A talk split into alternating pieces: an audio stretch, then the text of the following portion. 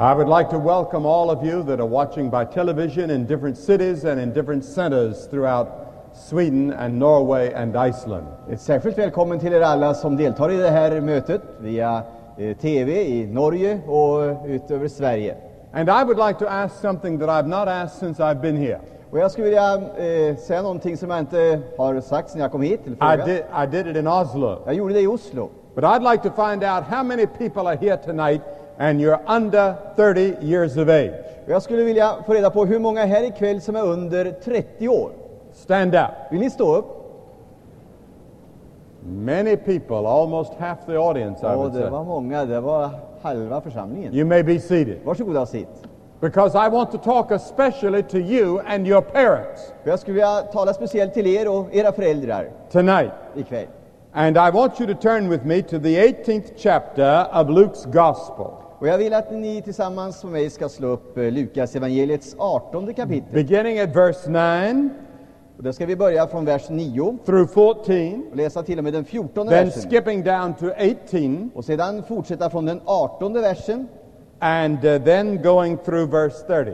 och till och med vers 30. And Mr. Vanel, Svenel will, s- uh, I started to say sing it to you. He's going to read it to you. Ytterligare framställde han denna liknelse för somliga som förtröstade på sig själva och menade sig vara rättfärdiga, under det att de föraktade andra. Två män gick upp i helgedomen för att bedja. Den ene var en farisé och den andra en publikan. Farisén trädde fram och bad så för sig själv.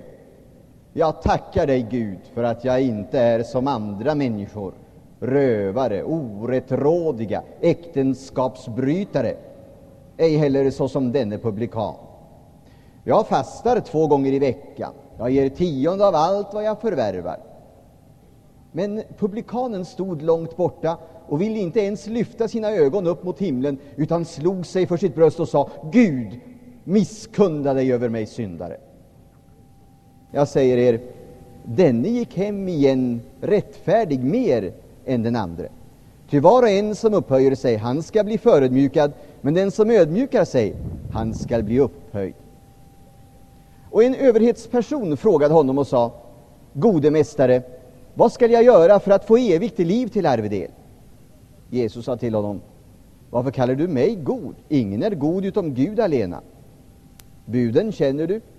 Du skall icke begå äktenskapsbrott, du skall icke dräpa, du skall icke stjäla, du skall icke bära falskt vittnesbörd, hedra din fader och din moder.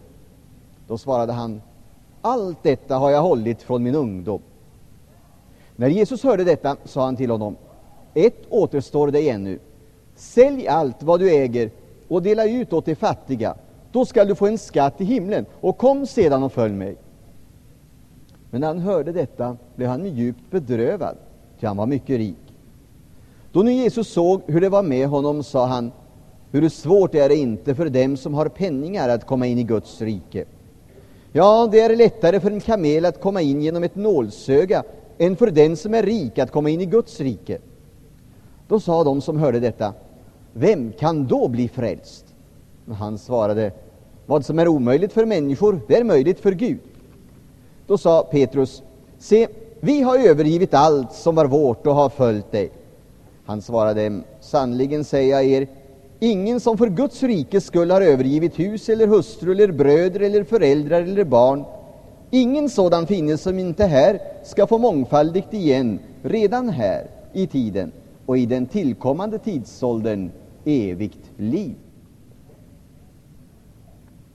Almost all the preaching and the teaching of Jesus Christ, he used parables or stories to illustrate spiritual truth. I nästan all sin förkunnelse använde sig Jesus av liknelser för att illustrera de sanningar han ville framföra. Here are two stories. Här har två, är två berättelser. One Jesus told to illustrate truth, En eh, använder Jesus för att eh, eh, illustrera sanning. and the other is a historical account. Det ena är en sanning och det andra är en eh, eh, historisk eh, berättelse. which Jesus did not tell, but the writer of this book uh, uh, was telling. Det var eh, eh, den som författade boken, eh, evangeliet, som har skrivit, nedtecknat den. And Jesus was talking in the first story about the Pharisee and the publican. Och i den första berättelsen talar Jesus om farisén och publikanen. Now, the Pharisee was very religious. Farisén var mycket religiös. In fact, he tells the, how religious he was. Ja, han faktiskt talar om hur religiös han var. He said, I tithe uh, all of my goods to the church. Han säger, jag ger tionde av allt jag tjänar till eh, församlingen. 10% of everything I make goes to the church. 10 procent av allt jag tjänar, det går till församlingen. And then twice a week, I don't eat anything. Och två gånger i veckan så äter jag ingenting. I love God so much that I don't eat anything. I fast and I pray. Så mycket älskar jag Gud att jag inte äter någonting. Jag fastar och jag ber. Are you religious? Är du religiös? You've been baptized? Du är döpt You've been confirmed? och konfirmerad. Are you as good as this Pharisee? Är du lika god som den här farisén? Do you tithe all you have to the church? Ger du tionde av allt vad du förtjänar till församlingen? Do you fast twice a week? Fastar du två gånger i veckan? Are you that religious? Är du så religiös? There was a man of the Pharisees that came to Jesus once and asked some spiritual questions. Det var vid tillfälle en av fariséerna som kom till Jesus och framställde några andliga frågor. And Jesus said, You're very religious, Nicodemus. Och Jesus säger till honom, du är mycket religiös, Nikodemus. But your religion is not enough. Men din religion är inte tillräckligt. You must be born again if you're to see the kingdom of heaven. Du måste bli född på nytt om du ska komma in i Guds rike. And then he tells about a second man that was there in the temple. Och så talar han om en annan man som var där i templet. The second man was a publican. Det var en publikan. He was despised by the people. Han var övergiven och föraktad av människorna. He was a sinner and an extortioner. Han var en, en syndare, en bedragare. And this Pharisee looked over at him. Och farisén såg ner på honom. Oh, he said, I'm not as bad as he is. I'm a good man. I'm a religious man. Han sa, jag är inte så dålig som den där mannen. Jag är religiös och god och rättfärdig. And the publican didn't even look up. Och publikanen ville inte ens lyfta upp blicken. He felt the weight of his sin so much, Han kände sin syndabörda så oerhörd. and he didn't even come close.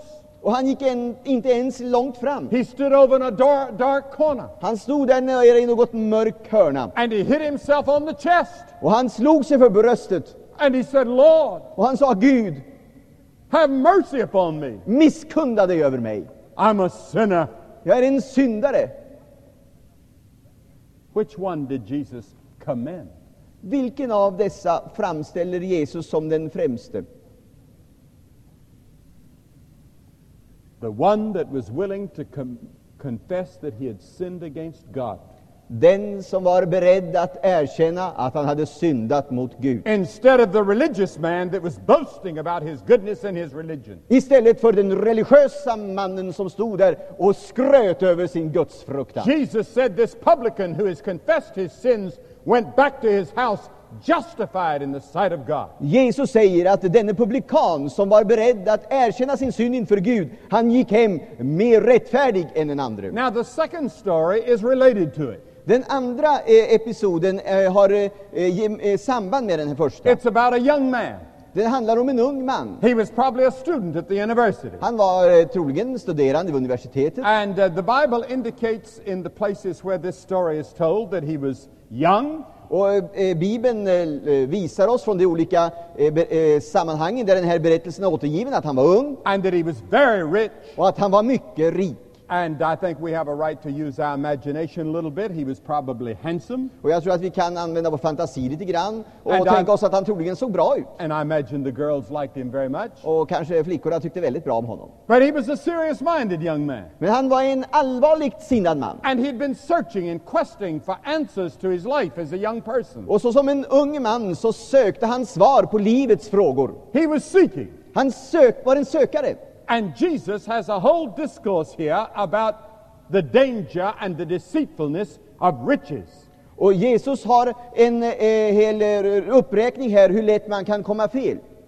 And this young man might have felt the guilt of his wealth in the midst of poverty. Och mannen här kanske kände en skuldakänsla över sin rikedom, där han var i all fattigdom. And every time it refers to rich people in the Bible, it applies to all of us in the Western world. Och varje gång det i Bibeln står talas om rika människor, så kan det tillämpas på oss som lever i den här tiden i västvärlden. There is no poverty in Sweden or America comparable to poverty we see in other parts of the world. Det finns ingen fattigdom i Sverige eller i Amerika i jämförelse med den fattigdom som man kan se i andra delar av världen. So we must put ourselves in this position. Så vi måste placera oss själva i just den här situationen. A rich young man, En ung, rik man, a university student perhaps, kanske en universitetsstuderande, seeking purpose in his life. som söker en avsikt med livet. He wanted meaning to his life and satisfaction and fulfillment to his life. Han ville ha mening och innehåll i sin tillvaro. Now, we have a phenomena going on in America right now that is called the evangelical resurgence or the revival among young people. Vi har ett märkligt fenomen som eh, eh, dyker upp i Amerika just nu och det är just detta evangeliska uppvaknande och sökandet bland unga människor. The newspapers have been carrying many stories for the last two or three years. Eh, De stora tidningarna har eh, haft en hel del berättelser om detta under de senare åren. The front cover of Time and Newsweek magazines and many other magazines have been given over to this resurgence of religious interest among young people. Och både Times och Newsweek och andra eh, stora magasin har haft eh, eh, stora upps stort uppslagna artiklar om detta religiösa, andliga sökande bland ungdomar. The television networks have done many stories about it. Och televisionsstationerna har gjort många program om detta sökande. And it's something that's just happened in the last five or ten years. It's been growing and now it's reached a crescendo until millions of American young people are interested in religion. Och det här har börjat så småningom under de senaste fem åren och i ett crescendo nått upp nu så att det berör miljoner ungdomar i Amerika. And many of them are standing up and giving public testimony. You hear them on television about how Christ has changed their lives. Och många av dem träder fram och avlägger sina personliga vittnesbörd inför TV-kameror där man kan se dem, hur de har funnit Jesus Kristus i sitt liv. Many of our most popular songs that you hear on the radio are religious songs. Många av de mest populära sånger vi hör över radio är religiösa sånger. Some of our superstars, like Johnny Cash, stand up and tell about their faith in Christ. Eh, Många av våra förnämsta stjärnor, artister som exempelvis Johnny Cash, träder fram och bekänner sin tro på Jesus Kristus. The president of our country, Mr. Carter, publicly stands up and says, I have been born again. Presidenten i vårt land, Mr Carter, han träder fram offentligt och säger ”Jag är född på nytt”. The other night when he addressed the Congress, eh, dagen när han talade till kongressen, I think I'm correct. Jag tror att jag har rätt.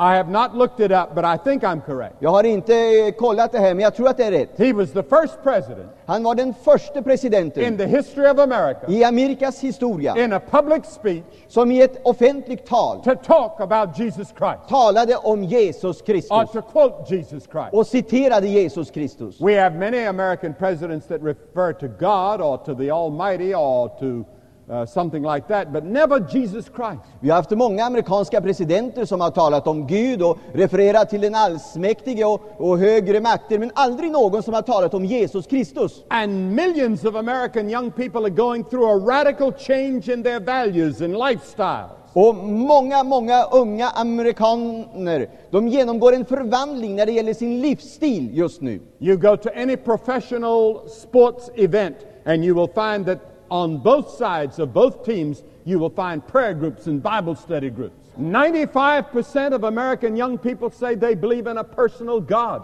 95 procent av amerikanska ungdomar bekänner att de tror på en personlig Gud. 90% say they believe Jesus Christ was the greatest person to ever live. 90 procent säger sig tro att Jesus var den största person som någonsin levat. And so everywhere we turn, we hear about Jesus. Så vart vi än vänder oss så hör vi talas om Jesus. And so many uh, psychiatrists and uh, some of the newspaper commentators and television commentators have been trying to analyze it. What's happening? Så många psykiatriker och, och eh, kommentatorer i TV och tidningar försöker analysera den här situationen. Because something else is happening at the same time. För samtidigt händer det någonting annat. Violence, Grymhet, våld, rising divorce rate, och det är eh, eh, eh, skilsmässor som ökar, crime, eh, brott ökar, and uh, thousands of young people turning to the occult and to Eastern religions. Och tusentals amerikanska ungdomar vänder sig mot ockultism och österns religioner. Thousands on drugs, Tusentals blir narkomaner thousands that have become alcoholics. och tusentals blir alkoholister. And many of our psychiatrists are saying, well, perhaps this is some reversion uh, to childhood dreams. Eh, Och många eh, psykologer säger att det där det är någonting troligen som eh, är ett uttryck för barnet, barndomens drömmar. But research indicates that it's far more than that. Men undersökningar visar att det är någonting mycket mer än det. Something is happening Det är någonting som händer, that has never happened in American history before. som aldrig tidigare har hänt i Amerikas historia. And it's beginning to happen in many countries of the world at the same time. Och det börjar samtidigt att hända i många andra eh, länder utöver vår värld. And I'm not sure that I'm qualified to analyze it. Jag är inte övertygad om att jag är kvalificerad att eh, analysera det här. Now, I do not know about Swedish young people, so I'm going to talk to you tonight very much like I would if I were talking to American young people. Jag känner inte de svenska ungdomarna tillräckligt eh, väl, så därför kommer jag ikväll att tala som jag talar till amerikansk ungdom. What are the characteristics of American young people of university age and uh, perhaps a little bit younger or a little bit older? Vad är det karaktäristiska för amerikansk ungdom i universitetsåldern eller kanske något yngre? First, För det första, there's a sense of loneliness. det är en känsla av, känsla av ensamhet. There's a sense of not belonging. Det är en känsla av att inte höra hemma någonstans. There's a restlessness. Det är en rastlöshet, en oro. There's a feeling of emptiness. Det är en känsla av tomhet. I was at a great university some time ago. För någon tid sedan så var jag i ett av de större universiteten. I stood with the dean of the university looking out at the students as they were going back and forth to their classes. Jag stod tillsammans med rektorn och iakttog eh, studenterna när de gick till sina klassrum. And I said, What is the greatest problem that you face at the university? Och jag frågade honom, vad är det största problemet du möter här vid universitetet? He thought a moment. Han tänkte ett ögonblick. He said, Emptiness. Han sa, tomhet. Young people searching for something to believe in, Unga människor söker efter något att tro på. some moral values, Några moraliska värden. something to give purpose and meaning to their lives, Någonting som ger avsikt och mening med livet. something more than just a hedonistic existence. Någonting mer än en hednisk existens. And then I find that among American young people, there's a tendency toward despondency and depression. Och så känner jag att det finns eh, bland amerikanska ungdomar en tendens till depression och, och sorg. And then there's a, a feeling of a gap between their social conscience on the one hand and their personal commitment on the other. Och en känsla av eh, eh, eh, samvetskval över nöden i världen och eh, bristen på ett inre engagemang för att göra någonting. Many of them read about the great social problems of the world. Många av dem läser om de sociala problemen över världen. They want to do something about it, De vill göra någonting åt det. but they find something lacking inside. Men de finner att det är någonting som saknas inom dem själva. They're not willing to pay the price to do something about it. De är inte beredda att betala priset för att göra någonting åt det. And so they have a, a there's something missing. Så det är någonting som fattas. And then uh, young people today face almost impossible decisions. Och eh, ungdomar idag, de står inför omöjliga beslut. about vocation, När det gäller eh, livsuppgift, marriage, när det gäller äktenskap, all of these things. alla dessa saker. Face young people as they're growing up, maturing, becoming from childhood to adulthood. Möter ungdomarna från det de växer upp från tidigare år till de kommer fram till mognad. They go through great physical changes De går igenom eh, fysisk utveckling and psychological changes. och psykologisk eh, förändring.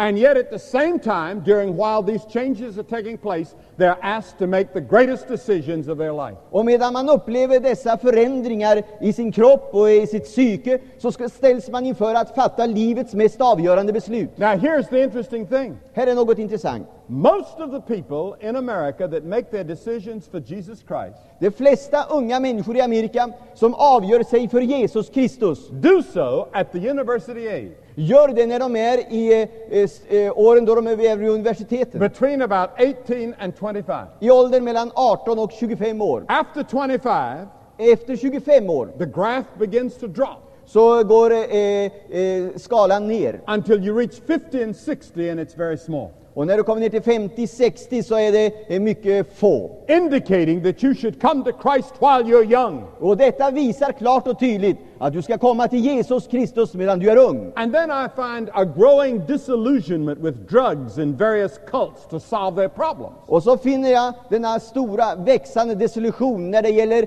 att eh, få narkotika som ska lösa problemen. Drugs are still a great problem. Eh, narkotika är fortfarande ett stort problem. But thousands of young people are being quoted in the press as saying they've become disillusioned. They thought drugs were the answer to their problems, but they're finding that it creates more problems. Men i tidningarna så läser vi uttalanden av många av dessa narko narkomaner hur de har blivit desillusionerade därför att de räknade med att narkotikan skulle lösa deras problem. Men istället har problemen blivit större och större. And then I find thousands of American young people are searching for a philosophy to believe in or an ideology to give themselves to. Och så finner jag tusentals unga amerikanska medborgare som söker efter en filosofi att tro på eller en, någonting annat av värde att satsa på. Now, perhaps this is some of the problems you face. Kanske det är några av de problem som du möter. Some of you older people face them too. Kanske några av er som är äldre möter samma problem. Now, this young man, I think, was like that. Jag tror att den här unge mannen, han var ju sådan. A rich young man, En eh, ung, rik man, probably a university student, kanske vid universitetet, searching for purpose and meaning in life, sökande efter en mening i tillvaron. Wanting to find someone he could believe in or something, some philosophy he could accept. Med en önskan att kunna få tag i någon han kunde tro på, eller en filosofi som han kunde acceptera. He had already come to believe that there was a life after death because he asked for eternal life. Han hade redan en tro på ett liv efter detta, för han frågade vad han skulle göra för att få evigt liv till arvedel. The whole world today is searching for a leader. Hela världen söker idag efter en ledare. The Roman Catholic Church is going to search for a new pope. Den romersk-katolska kyrkan kommer att söka efter en ny påve. And the world is looking for a man to step on the stage of the world and bring peace to the world. Och världen ser fram emot att en ledare ska komma fram på scenen och lösa världsproblemen och skapa I'm fred. going to talk about that tomorrow afternoon. Imorgon eftermiddag kommer jag att tala mer om det. Because Jesus Christ is called the Prince of Peace. Därför att Jesus Kristus är kallad fridsförsten. And if you want peace in your heart, Och om du vill ha frid i ditt hjärta, He is the Prince of Peace that can bring you peace. så är han den försten som kan ge ditt hjärta But you frid. must open your heart and receive Him. Men du måste öppna ditt hjärta och ta emot honom. Now, Christ was a young man himself. Eh, Kristus var själv en ung man. He was only about 30 or 31. I call that young at my age. Eh, Han eh, var 30-31 år och det kallar jag när jag är i min ålder att vara ung. And he understood young people. Och han förstod unga människor. The Bible says he was tempted in every point like as you are. Bibeln säger att han var frestad i allting, precis som du och jag är. He faced your problem. Han mötte dina problem. Our problems haven't changed. Våra problem har i själva verket inte förändrats. They might be more complex, De kanske är mer but komplicerade, they're still the same problem. men det är ändå samma problem. And Jesus faced them as a man Och Jesus mötte dem som en människa and as a boy. och som en pojke. Because the Bible says he was the Son of Man as well as the Son of God. But he was here in his manhood. And when he stood before the devil to be tempted, he stood there as a man just like you. Bibeln lär oss att han var människoson men också Guds son. Och när han stod där inför djävulen och mötte frestaren och alla frestelser, då var det så som en människa han mötte djävulen. So he can enter into your joys and your sorrows. Så han kan känna till din glädje men också dina sorger. He understands your problems and he's sympathetic to them. Han förstår din situation och han sympatiserar med dig. And he wants to help. Och han vill hjälpa dig. This young man came to the right person. Den här unge mannen kom till rätt person. He came to Jesus Christ. Han kom till Jesus Kristus. And Jesus loved him. Och Jesus älskade honom. That's what the Bible says in the 10th chapter of Mark, where the same story is told. Det är vad Bibeln säger i Markus eh, 10, där den här berättelsen återfinns. Jesus looked on him and loved him. Jesus såg på honom och fick kärlek till honom. And if you don't remember anything else that I've said, you remember this. He loves you. Och om du inte kommer ihåg någonting annat som jag säger här ikväll, så kom ihåg det. Han älskar dig. He only wants to help. Han bara vill hjälpa dig. He knows you. Han känner dig. When he died on the cross, När han dog på korset he had the capacity så hade han eh, möjligheten to think about you. att tänka på dig. He has the hairs of your head numbered. Han har räknat håren på ditt huvud. He knows all about you. Han vet allt om dig. And He loves you. Och han älskar dig. So you're not coming to someone with a big stick saying, don't do this, don't do that, don't do this. Så det är inte, du kommer inte till någon som eh, hyttar med pekpinnen åt och säger så får du inte göra och så får du inte göra. You're coming to someone filled with compassion Du kommer till någon som är fylld med medlidande and understanding och förståelse and love. och kärlek. He wants to enter into your life. Han vill komma in i ditt liv. He wants to help you in this life Han vill hjälpa dig här i livet, as well as give you life forever. liksom han vill ge dig ett evigt liv. And He was willing to go to the cross to provide it for you. Och han var villig att gå till korset för att bereda detta liv åt dig. Now, the second thing I want you to notice about this young man, he came at the right, uh, he came with urgency. Eh, en annan sak jag vill eh, att du ska tänka på när det gäller den här mannen, det var att han eh, kom med hast. He came at the right time. Och han kom ju i rätt tid. The Bible says, Remember now thy Creator in the days of thy youth. Bibeln säger, så tänk då på din skapare i din ungdomstid förrän de onda dagarna komma. This young man came running to Jesus and he fell down in front of Jesus. Den här mannen kom skyndande fram till Jesus och föll ned inför honom. Youth is the time of decision. Ungdom är den tid då man ska fatta beslut. If you miss it when you're young, Om du missar det när du är ung, it gets harder as you get older. så blir det svårare ju äldre du blir. You can come when you get older, Du kan komma när du är äldre, but you're taking a tremendous chance. men du tar en eh, oerhört stor risk. All the way through the Bible, it says, Now is the accepted time. För det står genom Bibeln gång efter annan, nu är den välbehagliga tiden. Today is the day of salvation. Idag är frälsningens dag. This great auditorium is filled with people. Det här stora auditoriet är fyllt med människor. Thousands of people all over the world are praying for this meeting tonight. Och människor tus, i tusental över hela världen beder för det här mötet ikväll. Some friend thought enough of you to invite you here tonight. Och det var vänner som tänkte så mycket på dig att de inbjöd dig att komma hit ikväll. Or perhaps you came on your own. Eller kanske du kom av dig själv. Maybe you came out of curiosity. Kanske du kom av nyfikenhet. That doesn't make any difference. Det gör ingen skillnad. You need something more in your life than you now have. Du behöver någonting mer i ditt liv än vad du just nu har. You need Christ. Du behöver Kristus. And sometimes there's an urgency about it in your life. Och sam, ibland så är det denna eh, eh, risk, denna angelägenhet i ditt liv. There's a man that has been reading the newspapers and magazines for me since I've been here. Det är en, en man som har läst tidningar och, och eh, magasin för mig medan jag varit här i Sverige. Just to give me the feeling and the understanding of what people are thinking and what they're writing. För att jag ska få en känsla av vad folk tänker och vad man skriver om här i landet. And I found this Och jag har funnit det här, that Swedish young people att svenska ungdomar are crying out, ropar ut, many of them, många utav dem, for something more in life efter någonting mer i livet than just pleasure än just nöjen and materialism. och materialism. You want something more. Du vill ha någonting mer. Come to Christ.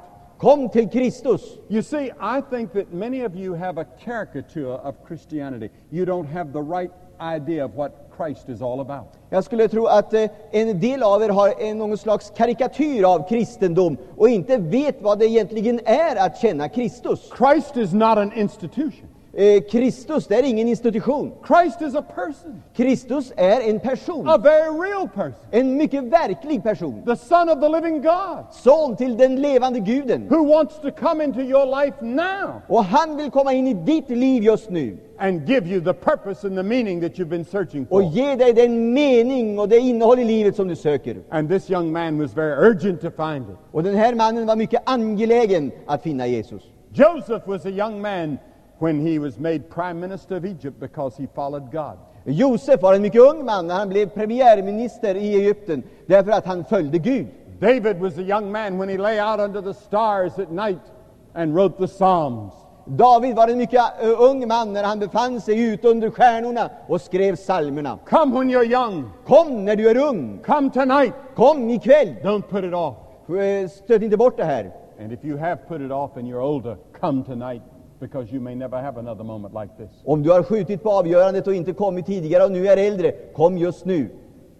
And then the third thing, he came with the right attitude. Och för det tredje, han kom med rätt inställning. How did he come? Hur kom han? Like the publican came. Som publikanen. He fell down before Christ, an Han- attitude of humility. Han föll ned inför Jesus med en ställning av ödmjukhet. He acknowledged his need. Han eh, erkände sitt behov. He admitted that something was wrong. Han erkände att någonting var fel. He admitted that he needed something more than he had in his religious background. Han tillstod att han behövde någonting mer i sitt liv eh, trots sin religiösa bakgrund. And the fourth thing, Och det fjärde, he asked the right question. han ställde de rätta frågorna. What must I do to have eternal life? Vad skall jag göra för att få evigt liv? We have a magazine in America that's very popular. You can get it on any newsstand. Vi har eh, ett eh, mycket populärt ett magasin i Amerika. Man kan köpa det vilket tidningsförsäljningsställe som helst. It's called Psychology Today, and it's edited, and uh, many psychologists and psychiatrists write for it. Eh, Det kallas psykologi idag och det är många psykologer som, och psykiatriker som skriver där. So they took a poll among their readers. Och man gjorde en undersökning bland läsekretsen They asked their readers what they wanted most. Och man ställde frågan vad önskar ni er mest av allt? You know what the answer was from Vet- the majority? Vet du vad majoriteten svarade? You'd be surprised. Ja, du ska bli förvånad. Eternal life. Evigt liv. Eternal life. Evigt liv. That's what this young man wanted. Det var det som den här unge mannen ville ha. He said, What must I do to inherit eternal life? Han frågar, vad skall jag göra för att få evigt liv till arvedel? Now, when you receive Christ, När du tar emot Kristus the eternal life begins now, here and now, in this life. så börjar det eviga livet nu, just här i detta liv. But when you die, Men när du dör your body goes to the grave. så läggs grav, eh, kroppen i graven, But the real you, the part of you that thinks and remembers and dreams, that part of you will live forever. men det verkliga du, det som drömmer och det som tänker, detta det går vidare. And Jesus promises eternal life in paradise, Och, in Je- heaven. och Jesus lovar evigt liv i paradiset. And this young man wanted a better life here, and he wanted a future life yonder in eternity. Och den här unge mannen ville ha ett bättre liv här och ett bättre liv i framtiden, bortom död och grav. And then the fifth thing about him, Och sen det femte om den här mannen. he got the right answer. Han fick det rätta svaret. Jesus looked at him and loved him. Jesus såg på honom och fick kärlek till honom. Kneeling before him, Den man som böjde knä för honom. he must have been a charming young man. Det måste ha varit en charmerande ung man. Jesus said, Jesus sa, Keep the law. håll lagen, du känner buden. Oh, he said, I've kept the law. Och han säger, allt det där har jag hållit från min ungdom. Jesus only listed part of the commandments. Jesus eh, bara eh, gav en eh, lista på en del av buden. He didn't list the commandment that says, Thou shalt not covet. Han eh, eh, räknar inte upp budet som säger du ska inte ha begärelse. Jesus already knew his, the problem that this young man faced. Eh, han visste redan problemet som den här mannen hade. Jesus said, Young man, Han sa, unge man, count the cost. räkna kostnaderna. You may not want eternal life when you hear what it's going to cost. När du hör vad det kostar så kanske du i själva verket inte vill ha evigt liv. Your problem is this Det här är ditt problem. you love materialism, you love money more than you love God. Du älskar materialism, du älskar pengar mer än du älskar Gud. You must be willing Du måste vara beredd to sell all that you have, att sälja allt du har give it to the poor, och ge det åt de fattiga and follow me. och följ mig sen. Now, Jesus did not want his money. Jesus vill inte ha hans pengar. He was putting his finger on the thing in his heart that was keeping him from a full relationship with God. Men han satte fingret på den ömma punkten i hans liv som skilde honom från gemenskapen med Gud. There were many rich men of God in the Bible. Det finns många rika gudsmän omtalade i Bibeln. There's nothing wrong with riches Och det är inget fel med rikedom, if you have it honestly, om du har det, fått det på ärligt sätt. but it's your attitude toward it. Men eh, vad som är eh, det avgörande, det är din inställning till din rikedom. If your materialism and your riches become your idol, become your God, more important to you than anything in the world. Om rikedomen, dina ägodelar, blir din avgud som betyder mer för dig än Gud.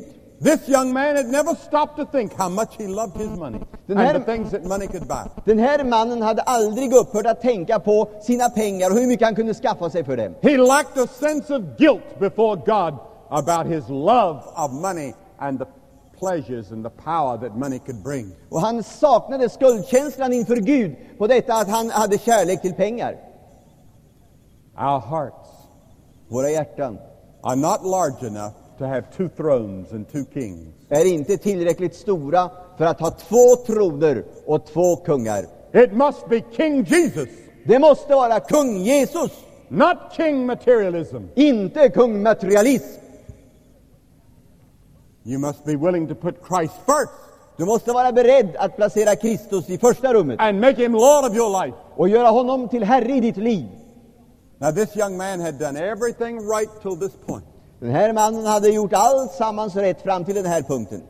Now, he did the wrong thing. Men nu gjorde han fel. He turned away, Han vände sig bort. and the Bible says he was very sorrowful. Och eh, Bibeln säger att han var bedrövad. He was grieved in his heart. Han var eh, djupt sorgsen i sitt inre. I have never seen a person come to Christ and receive Christ that didn't come and be happy about it. Jag har aldrig sett någon som har kommit och tagit emot Jesus Kristus i sitt hjärta och inte blivit lycklig av det. I've seen thousands of people reject Christ. Jag har sett tusentals människor förkasta Kristus. I've never seen a person reject Christ happily. Och jag har, men jag har aldrig sett någon människa förkasta Kristus och vara lycklig och göra det lyckligt. This young man was grieved. Den här mannen, han var bedrövad. He had to say no Han måste säga nej. because Därför he made a great discovery. att han gjorde en stor upptäckt. He discovered that he loved his money more than he did God. Han upptäckte att han älskade sina pengar mer än han älskade Gud. And Jesus Och Jesus will not compromise. vill inte kompromissa. He will not lower the standard. Han vill inte sänka måttet, standarden. You come God's way or you don't come at all. Du kommer Guds väg, eller du kommer inte alls. The Bible says, even as I've seen they that plow iniquity and sow wickedness reap the same. Det står i Bibeln, nej, så har jag sett att det går, att det som så plöja fördärv och så olycka, det skördar också så. The Bible says, Be not deceived. God is not mocked, for whatsoever a man soweth, that shall he also reap. Bibeln säger, faren icke vilse, Gud låter icke jäcka sig. Vad människan sår, det skall hon också skörda. We see this man again in Scripture. Vi ser den här mannen igen i Bibeln. Maybe not the same man, but I think it's the same man. Eh, eh, kanske inte samma man, men jag tror att det är det. He's now an old man. Han är nu en gammal man. He has great estates, Han har stora egendomar, much money in the bank. mycket pengar på banken. And he walked out and looked at all of his lands and his beautiful homes and his barns and his horses and his cattle. Och han går ut och ser på allt vad han äger, sina egendomar, sin boskap, sina hästar och allt det där. And he took a deep breath Och han eh, andades in. and he said, Soul, Och sa han, kära själ, take it easy. ta det lugnt nu. You have goods for many years. You don't need to work anymore. Du har ju så du klarar dig i många, många år. Du behöver inte arbeta mer. God was now out of his life. Gud var borta ur hans liv. The years had hardened him toward God. Eh, åren hade förhärdat hans hjärta. No longer would he come and kneel before Jesus. Inte längre skulle han kunna tänka sig att komma och böja knä för Jesus. So that night he went to bed. Så den kvällen gick han till sängs. Jesus himself tells the story. Det är Jesus själv som talar om det här. And in the middle of the night, Och mitt i natten a voice is heard så hör han en röst from heaven från himlen that says, Thou fool, som säger du dåre. this night thy soul is required of thee. Denna natt skall din själ utkrävas av dig. And that night he died, Och den natten dog han. never able to enjoy all the things he'd built up. Utan möjlighet att glädja sig åt och njutas av allt han hade skaffat sig. He had rejected the eternal life that Christ offered. Han hade förkastat det eviga livet som Kristus erbjuder. Whatsoever a man soweth, that shall he also reap. Vad en människa sår, det skall hon också skörda. But we see him again. Men vi ser honom igen. They have a big funeral. Han har en stor begravning. After the funeral, Efter begravningen Jesus pulls the curtain back, så drar Jesus undan ridån. and we see two men Och vi ser två män. one in heaven, En i himlen one in hell. och en i helvetet. And the one in heaven was the poor man Och den i himlen, det var en fattig man that believed in Christ som trodde på Kristus and believed in God. och trodde på Gud. And he had known the rich man, but the rich man had paid no attention to him. Och han hade känt den rike mannen, men den rike mannen hade inte brytt sig om honom. And Jesus, in telling the story, Och Jesus som berättar den här episoden tells that the rich man away from God is in torment. säger att den rike mannen, skild från Gud, han våndas.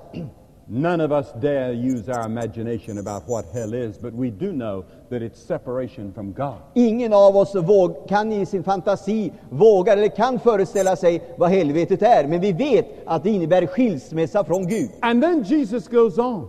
Och sedan fortsätter Jesus.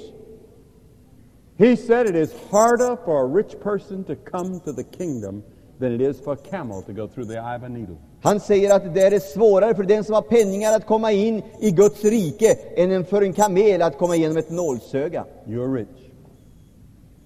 By the world's standard, you're rich. Du är rik efter den standard som vi har i världen. So am I. Och det är jag. What are we going to do? Vad ska vi göra? How can we be saved? Hur kan vi bli frälsta? How can we have eternal life? Hur kan vi få evigt liv? That's what the disciples asked Jesus. They were amazed. Det är det som lärjungarna frågar Jesus. De var förvånade. Jesus made an interesting answer. Men Jesus ger ett intressant svar. He said, With God, Han säger, för Gud everything is possible. är allting möjligt. And that's why Christ went to the cross. Och det är därför Kristus gick till korset. To take even our sin of greed and covetousness on himself at the cross. För att ta våra synder av girighet och begär, ta med den på korset. And now God says, I forgive you. Och nu säger Gud, jag förlåter dig. I will take you to heaven. Jag ska ta dig, föra dig till himlen. I will justify you. Jag vill rättfärdiggöra dig. But you must count the cost. Men du måste beräkna kostnaden. You must put me first in your life. Du måste placera mig först i livet. Yes, your religion is not enough. Ja, din religion er är inte tillräckligt. Your materialism is not enough. Din materialism, det er är inte nog.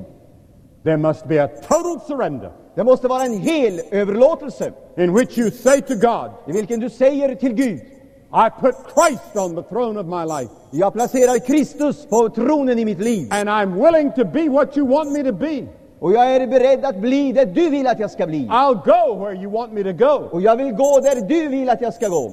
There are hundreds of young people here tonight that ought to go into the, into the Christian service. Det är hundratals människor här ikväll som borde gå in i kristen tjänst. Many years ago, there was a young couple that lived in Eastern America. För många år sedan var det ett ungt par som levde i, i öststaterna i Amerika. They were very wealthy, De var mycket rika and they had a big wedding. Och de hade ett stort bröllop. But one day, a missionary came to their uh, church Men en dag så kom en missionär till eh, kyrkan de var and med, told about the needs on the borders of Tibet and China. och talade om behovet när, vid gränserna i- mellan Tibet och Ki- Kina. And they decided Och de bestämde sig för that God was calling them to go, och kände att Gud kallade dem att gå dit. to leave all this wealth, För att lä- och lämna all sin rikedom to go where God told them to go. för att gå dit Gud sa åt dem att de skulle gå. So they went to China, Så de reste till Kina, they learned the language, de lärde sig språket and then they went across the deserts, och så for de över öknen, up the long river, upp, för den långa, upp med floden up near the borders of Tibet. och nära gränsen till Tibet. And there they served God with some very primitive people. Och där eh, tjänade de Gud ibland en mycket primitiv folkstam. They had two children, De hade två barn And one day, En dag one of the children became sick så blev ett av barnen sjukt and it died. och dog. And they buried their child. Och de fick begrava sitt barn. A few days later, the second child got the same sickness and it died, and they buried their child. Några dagar senare fick det andra barnet samma sjukdom och dog och man fick begrava också det. A week later, En vecka senare the wife så blev eh, kvinnan became sick, sjuk. so her husband put her in the boat Så eh, mannen eh, placerade, la henne i en båt and started down the stream three days away to a dispensary, to a little hospital. och följde med strömmen ut med floden ner till en liten plats, en liten sjukstuga som fanns. But on the second night, Men under den andra natten they both realized that she was going. Så förstod de allesammans att det var slut med henne. She whispered in his ear, Hon viskade något i hans öra and then she died. och sen dog hon. And he buried her Han begrov henne. with tears coming down his cheeks. Tårarna strömmade ut för hans kinder. The next morning, Följande morgon he got in the boat, så tog han båten, he looked down the river, han såg ner mot floden and he thought to himself, I'll go back home. han tänkte jag ska nog resa hem nu. To all that money, Till mina pengar, to all those good times. till det där allt fina liv, sköna liv jag kan ha. Look what I've done. I've come out here, and what has happened to me? I've lost my family. Se vad jag har gjort. Jag har kommit hit jag har förlorat hela min familj. But then he said, Lord, you called me. Men så sa han, Herre, du kallade mig. And long ago I put my trust in you. Och för länge sedan så satte jag min tillit till dig. And he turned the boat Och han vände båten and started back up the river och började upp, fara upp mot floden. because his wife Därför att hans fru had whispered in his ear the night before hade viskat i hans öra kvällen innan. John, John, go back, res tillbaka. fulfill our mission. Upp, fullfölj vårt uppdrag. I'll see you in heaven soon. Och jag ska se dig i himlen snart. That's what it cost one couple. Det är vad det kostade ett par. Jesus is not calling you to some playground. Jesus kallade inte ut på någon lekplats. This is not a game. Det här är inte något spel, någon This is lek. a life and death matter. Det är något som rör liv eller död. His call is straight and clear. Hans kallelse är klar och tydlig. You come all the way. Du ska gå hela vägen. The Chinese have a saying. Kineserna har ett uttryck. My wife was born and reared in China, Min eh, fru är född och uppvuxen där. and I'm going to ask her to say a word tomorrow afternoon. Och jag ska be henne att hon säger något imorgon eftermiddag. The Chinese say Kines, kineserna säger, to take to go a thousand miles, you have to start with one step. för att gå tusen mil så måste du börja med ett steg. I'm going to ask you to take the first step tonight. Jag ska be dig att du tar första steget. You have no idea where it will lead. Du har ingen aning om vart det kommer att föra dig. You don't know what demands God will have upon you in the years to come. Jag vet inte vad, du vet inte vad Gud kommer att kräva av dig under det år som ligger framför. But tonight you want to take that first step, Men ikväll så ska du ta detta första steg. or maybe it'll be the second step, Och kanske det blir andra steget. or the tenth step, Eller tionde steget. or the twentieth step. Eller tjugonde steget. Whatever it is that God the Holy Spirit is speaking to you about, Vad det än är som Gud genom den helige Ande talar till ditt hjärta om. I'm asking you to do something we saw many people last night do here. Så ska jag be dig göra någonting som vi såg många människor göra igår kväll. I'm asking you to get up out of your seat. Jag ska be dig att du lämnar platsen där du sitter. Hundreds of young people and older people alike. Hundratals ungdomar och också äldre. And come and stand here in front of the Och platform. komma och ställa sig här framför plattformen. And say tonight, Och säga ikväll I want Christ to be my Lord. vill jag att Kristus ska bli Herre i mitt liv. I'm willing to go where He wants me to go and be what He wants me to be. Jag är beredd att gå dit han bjuder mig att gå och bli det han vill att jag ska bli. I'm willing to sell out for Him, Jag är eh, beredd att satsa på honom, ge ut allt för honom. whatever it costs. Vad det än kostar, I'm going to make Jesus Christ my God. så ska jag göra Jesus Kristus till min Gud. He will be first. Han ska den främsta rummet.